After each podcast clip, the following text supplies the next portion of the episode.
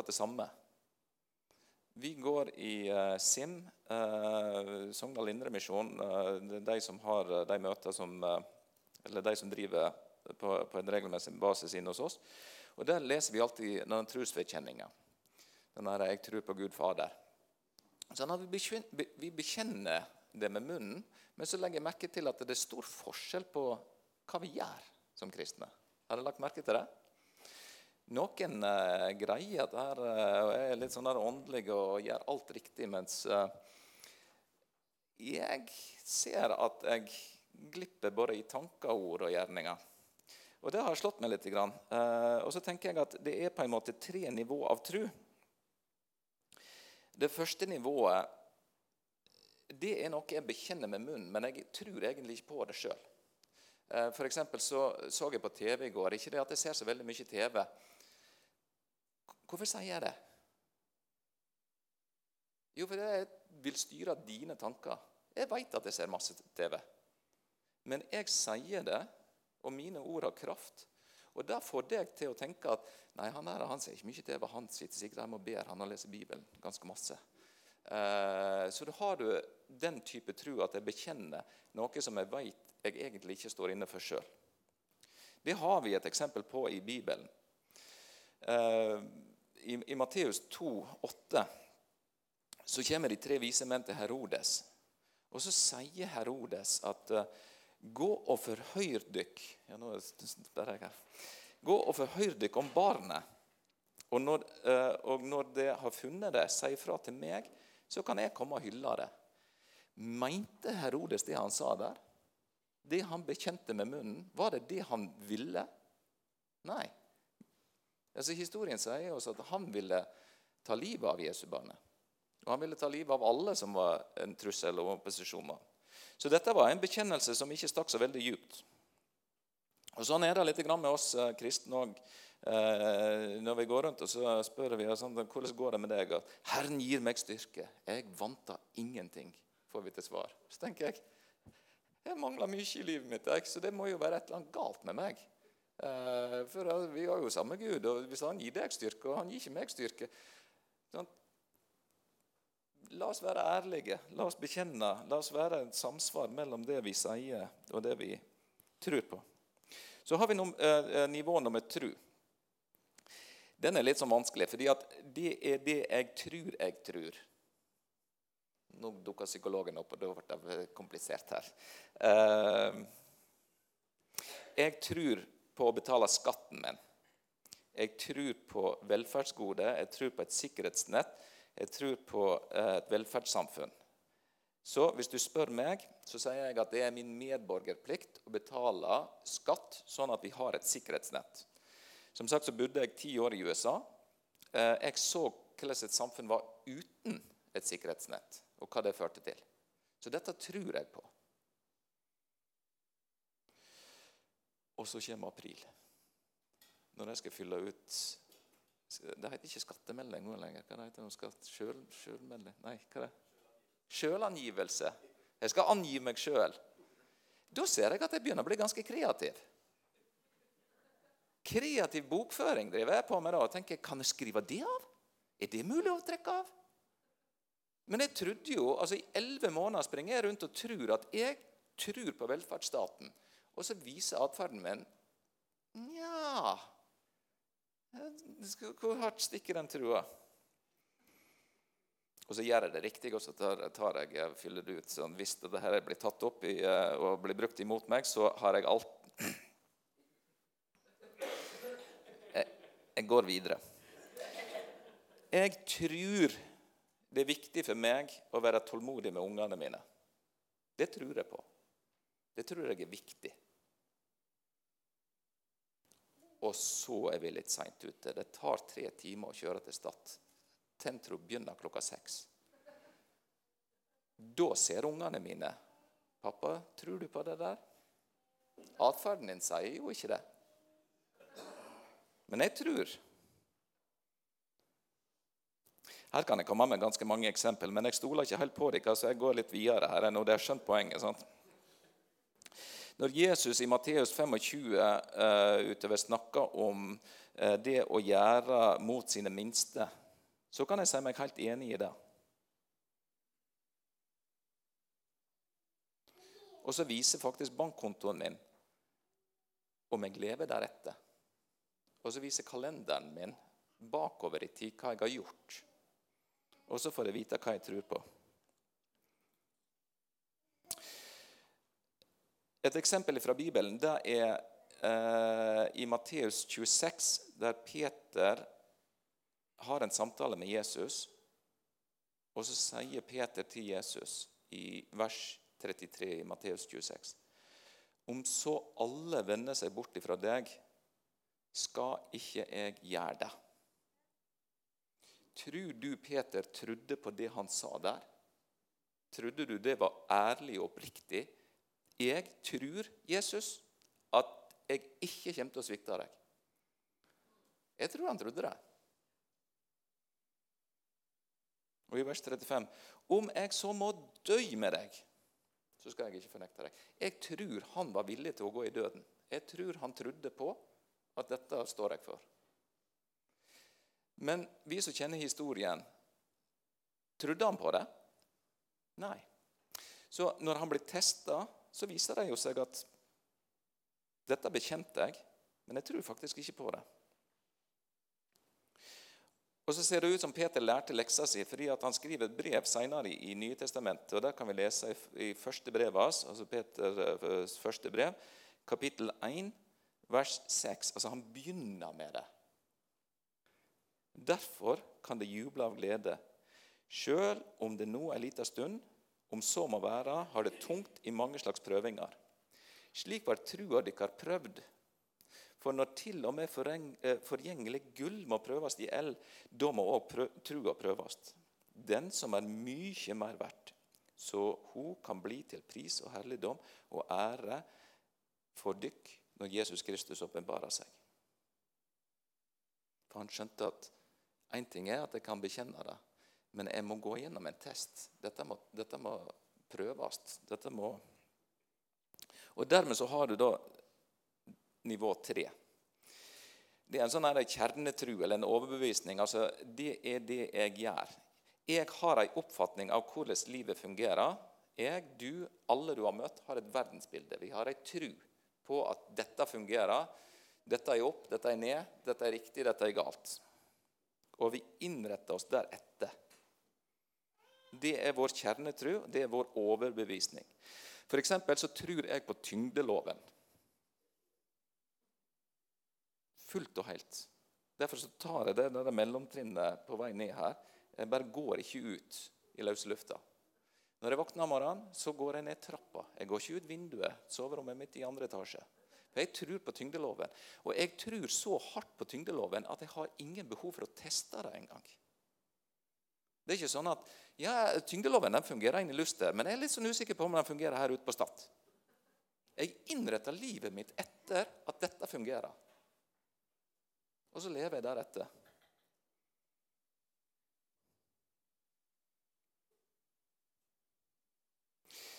Eh, Jesus han trodde at hvis det var noen som var syke så kunne han legge hendene på dem, og så kunne de bli friske. F.eks. i Markus 16, 18, så sier han at det skal legge hendene på de syke, og de skal bli friske. Og det kan vi si at vi tror. Men hvis vi ikke gjør det, så viser det jo seg at vi er ikke helt sikre på det. Ser du sammenhengen? Så det er de handlingene jeg gjør, og spesielt de handlingene jeg gjør når ingen ser meg, som avslører hva jeg tror på.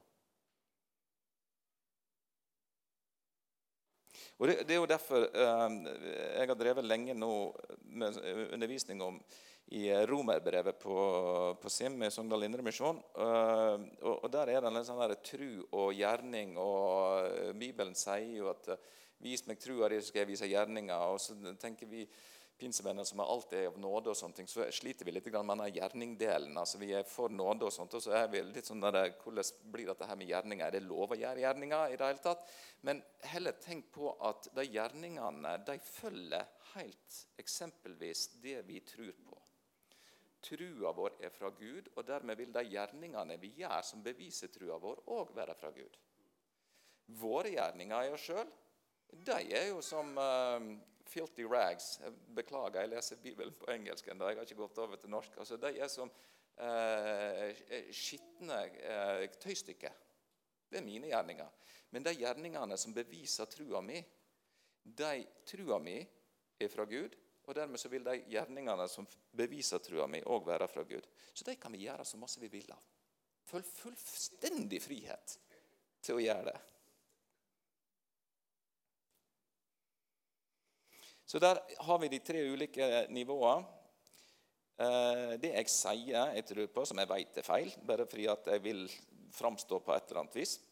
Det som jeg tror jeg tror, og den er litt vanskelig, for um, den kan jeg liksom ikke gi gode eksempel på. For hadde jeg visst gode eksempel, så hadde jeg jo gjort noe med det. Men vi kan eh, være litt sånn obs på eh, ting jeg tror jeg tror som viser seg å være feil når jeg blir testa, og det jeg faktisk gjør. Uansett om noen ser meg eller ikke. Eh,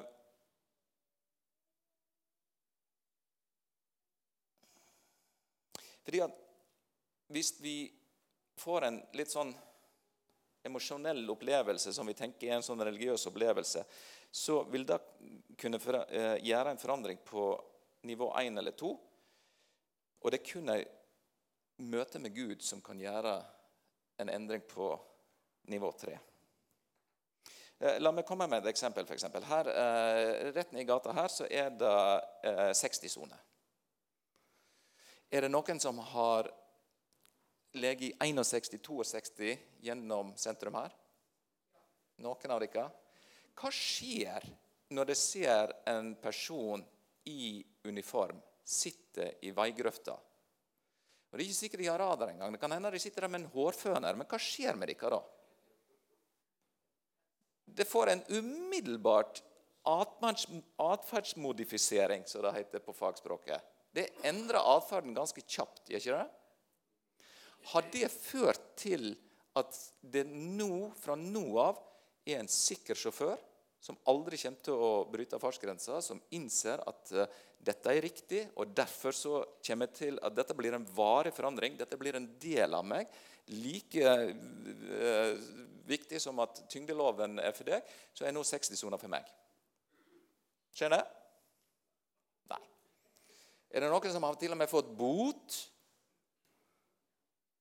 Og ikke Ja, det der er full bekjenning på bakerste benk her.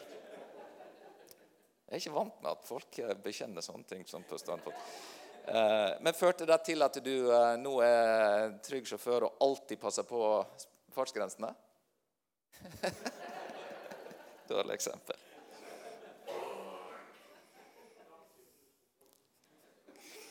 Vi endrer atferd fordi vi vil unngå smerte eller konsekvens.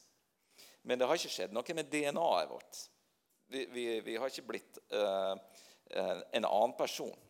Når Jesus forkynte her på jorda, hva tror du han var mest opptatt av å forandre? Tror du han var mest opptatt av å forandre atferden vår, eller tror du han var mest opptatt av å forandre oss? Ja. Og der har vi hjelp. Fordi at I Johannes 14 så ser vi en litt lengre tale av Jesus, der han lover å sende Den hellige ånd. Eh, og Fra vers 15 og utover så kan vi lese at eh, Elsker det meg, så held det båda mine. Altså, de buda der, de lovene Gud har, det er like viktig for meg som tyngdelova. Jeg innretter livet mitt deretter. Greier jeg å oppfylle det? Nei. Greier jeg å oppfylle tyngdeloven? Nei. Jeg har faktisk ramla utfor ting. Jeg, jeg har snubla, jeg har datt, jeg har brutt tyngdeloven tusenvis av ganger. Og jeg har brutt dessverre òg Guds lover ganske mange, mange, ganger. Men det er et eller annet i meg som anerkjenner Guds lov. Sant? Det er ganske mange som ikke anerkjenner Guds lov. Som ikke holder seg til båda mine, som han sier her. Sånn at Det er ikke sånn at du skal oppfylle alle 600, 613 eh, lovene i Moseboka. Men du anerkjenner, og det er der du innretter livet ditt etter. Der. Hvis du er der, da vil jeg be far min, og han skal gi dere en annen talsmann. Og han skal være hos dere alltid. Så i vers 17 Sannhetsånden, som verden ikke kan ta imot fordi de ikke heller både og anerkjenner eh, Gud. Eh, for verden ser han eh, ikke og kjenner han ikke. Men det kjenner han, for han bor jo dykk og skal være hos dykk. Verden kjenner han ikke. De har et annet verdensbilde. De anerkjenner ikke lovene, de forholder seg ikke til lovene. Men vi som bekjenner oss som kristne, gjør det. Derfor kan vi få sannhetsånden. Og sannhetsånden i vers 17 det er jo for så vidt riktig, det, men Bibelen Nå skal jeg rette Bibelen. sånn, nå, blir det, nå, blir, nå blir det bra her. Nå må dere følge med. Den er skrevet på gresk. På norsk så har vi to uttrykk for sanning. Litt an på hva vi eh, snakker om. Vi kan si at noe er sant, og vi kan si at noe er reelt. Ja? Litt an på hvordan vi bruker det. Eh, den boka her, Bibelen, den er reell. Jeg kan ta på den konkret. Innholdet er sant. Men jeg kunne like godt ha sagt stikk motsatt. Altså, boka her, den er sann. Den, er, den fins. Og teksten er òg sann. Den er reell. Så hvis vi bytter ut sannhetsånden med realitetsånden, så skjer det noe gøy. Da blir det 'Elsker det meg, så holder båda mine'.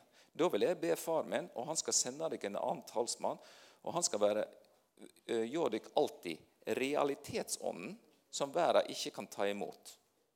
Og Her er denne store linken. For at Jesus sprang rundt som om han altså, Ting var reelt på en helt annen måte. Vi er bundet av det vi ser, det vi hører, det vi smaker, det vi opplever.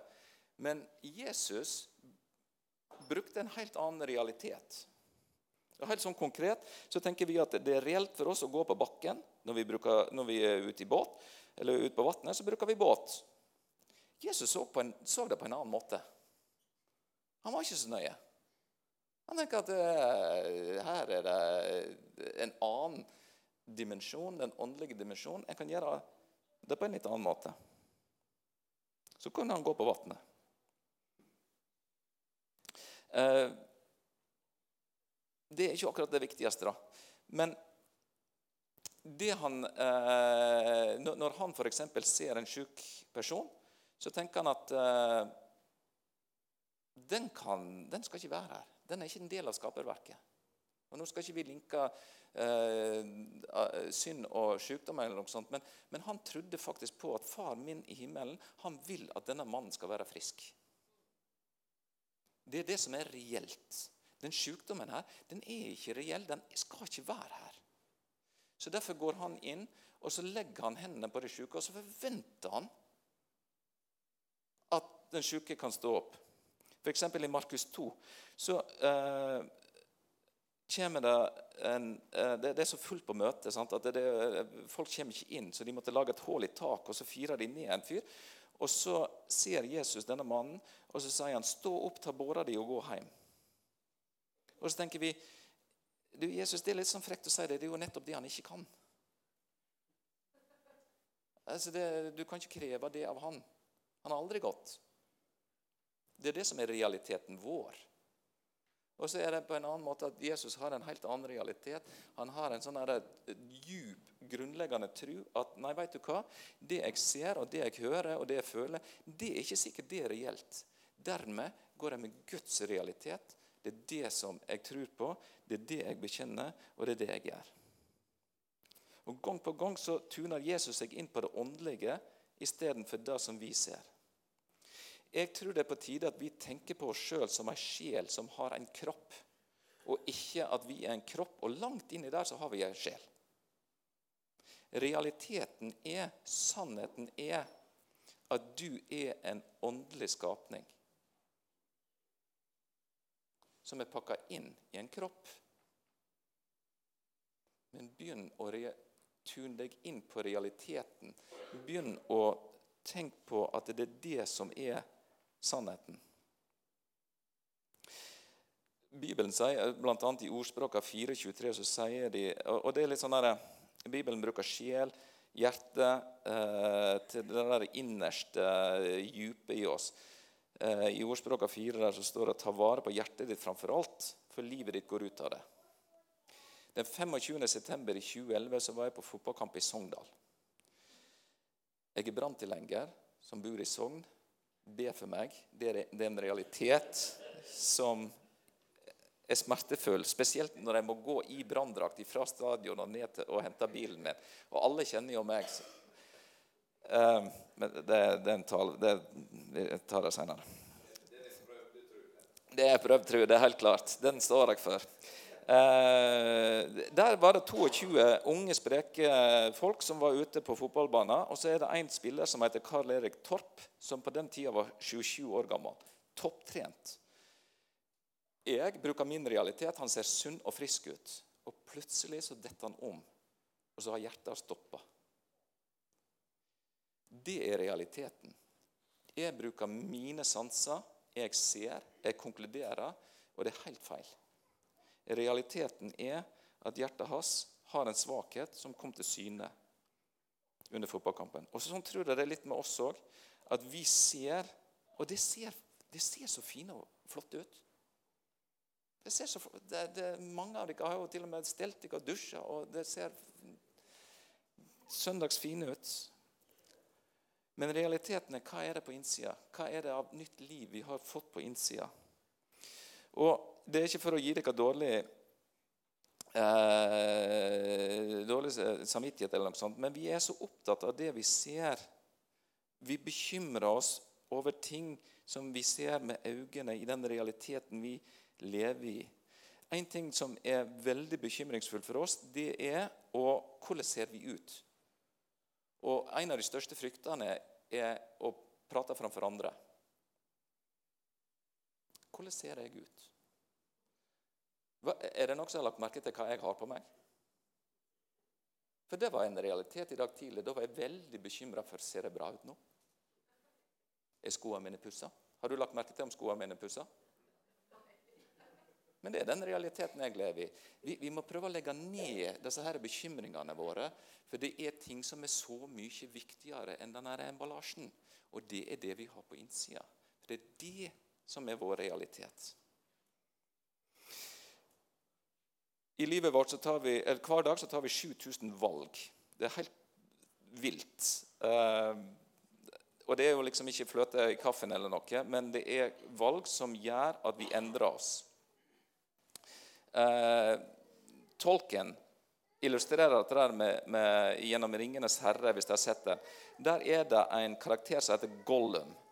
Gollum er det hebraiske ordet for en sånn her, det, vårt indre en, en, en uh, uforma masse, altså det som er djupt inni oss.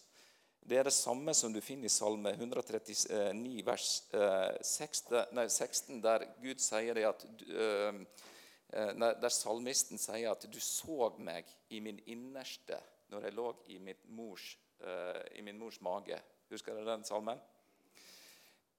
Altså realiteten på innsida her.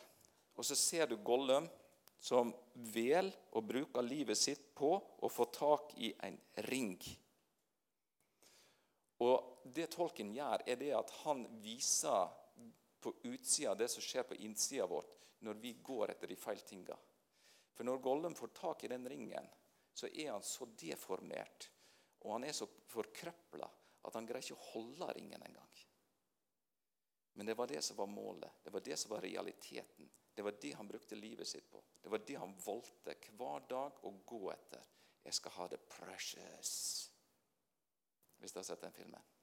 Og Han blir styggere og styggere. Han mister håret, han blir krokrygd, han får utstående øyne. Altså, det er det som skjer ved sjela vår når vi går etter karriere, penger, pussa sko, hva det nå enn måtte være. Realiteten er at vi skal søke først Guds rike og hans rettferdighet. Og så skal vi få alt det andre i tillegg. I Matteus 6, 32 eh, og i versene før der så sier, sier Bibelen klart at for, uh, altså, ikke, vær, ikke vær bekymra for det dere skal ete eller drikke, eller hvordan det ser ut når dere taler på et møte. Søk først Guds rike. Og Det er der jeg tenker med og Det bruker jeg ofte i terapien òg. Så sier jeg til folk at vet du hva? Du, du er tre, du. Og så sier jeg at Dette er en psykologisk eh, teori som er henta fra Salme 1. sier jeg. Jeg, jeg. jeg, har aldri fått klage ifra Jeg vet ikke om det er helt lov, eller. Eh, og så sier jeg det at eh, For der står det at sel er den som ikke følger råd Nei, det, det, det håper jeg. Jeg sier at han skal være som et tre som er planta med rennende vann. Det gir frukt i rett tid, og lever visner ikke. Alt han gjør, skal lykkes. Og Det samme ser vi i Jeremia 17. Så sier jeg at Det du må gjøre, det er at du må tenke på hva er det du ønsker. Hva er fruktene skal være i ditt liv? Tålmodighet, f.eks. Glede. Positivitet. Og så må du forankre det her. Og så håper jeg på at de finner Gud. Og vi som er kristne, vi kan forankre det i Gud. Og så kan vi si at eh, jeg bekjenner at jeg tror på Gud. Derfor så har jeg en frukt i livet mitt med tålmodighet. Og så får du tvillinger. Da, da, har du, da har du to valg. Du kan si at dette var urettferdig. Dette var dårlig gjort. Eller så kan du si, 'Vet du hva, Gud? Dette er bra, for nå får jeg testa det jeg tror på.' Jeg er litt sånn usikker. Det kan høre med tvillingene mine om jeg, om jeg har bestått den testen eller ikke. Men, eh, eh, eller jeg skal være positiv. Og så kommer det en kjempestor uventa regning. Eller legen min sier at du, Frode, du dessverre Det skjedde med meg en gang. I 2006 så fikk jeg en leddgiktsdiagnose. Og så så hun at jeg ble litt sånn eh, lei meg. Eh, og så uh, sa hun du kan gjøre veldig mye allikevel. Du kan, du kan, være aktiv. Og så sa jeg hvor aktiv da kan jeg gå over Dyrex-ryggen, for jeg driver og samler på 2000-metertopper. Og så visste hun ikke hva det var. Så sa jeg at kan jeg gå på 2000-metertopper? Og så sier hun den delen av livet ditt er nok dessverre over. sier hun. Og jeg vet ikke hvor mange titalls uh, topper jeg har etter det. for jeg tenker, Og hver topp dedikerer jeg til henne. Uh, men, men, det er en sånn storm. Det er en vinter, det er en sesong som truer med å blåse av alle fruktene mine. Og jeg skal være ærlig med dere at mange av disse stormene her, de har røska såpass godt at det har blitt veldig tynt. Og så må jeg gå tilbake igjen. Og så tenker jeg dette er en mulighet for meg å få vise deg, Gud, at jeg stoler på deg, at du er min realitet. Så vi må slutte å sutre på alle disse tinga som skjer oss. Og så må vi se det i lys på at trua vår den er faktisk ikke så veldig mye verdt før den blir testa. Da får vi vite. Det var da Peter fikk se. Og når vi feiler testen så er Gud så god at han sier ok, men da leser vi litt mer, og så tar vi en ny prøve, og så går det bra til slutt, og så står du. Og han gir seg ikke før vi består testen. Så lenge vi bruker én av de 7000 valgene vi har per dag, og sier 'Jeg heller dine bud'. Du er min realitet. Du, Herre, er min grunnvoll. Jeg bekjenner deg, du kan teste min tro, og jeg skal gi det tilbake til deg. Vi gjør det litt sånn vanskelig. Men det er egentlig ganske enkelt. fordi at, og jeg tror, det, det, Nå skal jeg gi meg. Jeg, det er to ting til, og så skal jeg gi meg nå. Nå tenker jeg, kjære deg, det er, Men jeg har tre timer i bil, så det er mye gøyere å stå her og prate med dere enn å kjøre bil. Så jeg prøver. Jeg kan godt fortsette en stund til. Hjernen din ser sånn ut. Den er tredelt. Du har kognitiv tankedelen der oppe. Eh, det er denne skrukkete delen som du har sett bilde av. Og så har du emosjonsfølelsesdelen, og så har du automatikk, motorikk her nede.